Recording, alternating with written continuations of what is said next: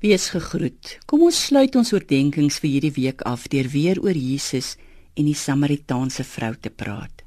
Jesus is nie veronderstel om met 'n vrou in die openbaar te praat nie en veral nie met 'n Samaritaan nie. En tog praat hy by die put van Jakob diep dinge met hierdie vrou. Hy praat nie oor kos maak en water aandra nie. Hy praat nie oor pitwater nie, maar oor lewende water. En dan in die middel van die gesprek vra Jesus haar skielik iets wat daarin baie wêrelds klink, so mondaan, baie alledaags.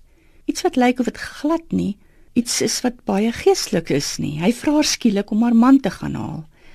En sy sê heel eerlik, miskien selfs bitter en hartseer, sy nie 'n man het nie. En Jesus sê ja, jy het al saam met 5 mans gebly en die een saam met wie jy nou woon is nie jou man nie. En skielik besef die vrou dat Jesus die Messias is. Hoekom? Want hy sien haar pyn. Geen man wou nog vir haar verantwoordelikheid vat nie. So erg het sy selfs dink dat dit haar skuld is. Maar Jesus sien haar pyn. En dit is wonderlik om te weet dat ons Messias ons pyn raak sien of ons 'n man of 'n vrou of oud of jonk, lelik of mooi is, of 'n geskiedenis het of geen toekoms nie. Hy sien wat ons seermaak, wat ons probleme is, wat ons angstig maak. En hy trek om dit persoonlik aan.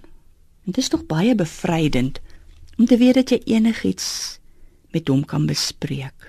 Of dit geestelike dinge is of alledaagse dinge, dinge wat vir ander klein lyk, dinge wat lyk asof jy dit self verdien het.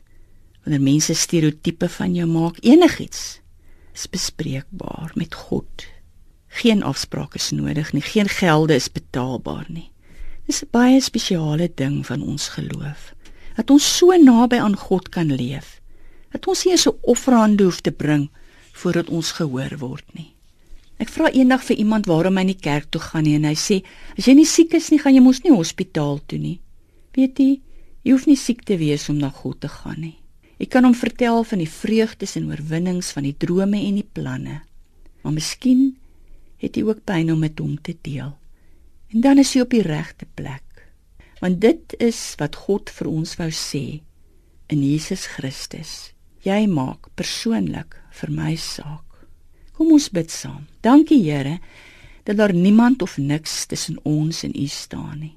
Dat ons dadelik en direk met U kan praat en kan weet dat U luister en dat ons swaar kry en ons vreugde vir U saak maak. Amen.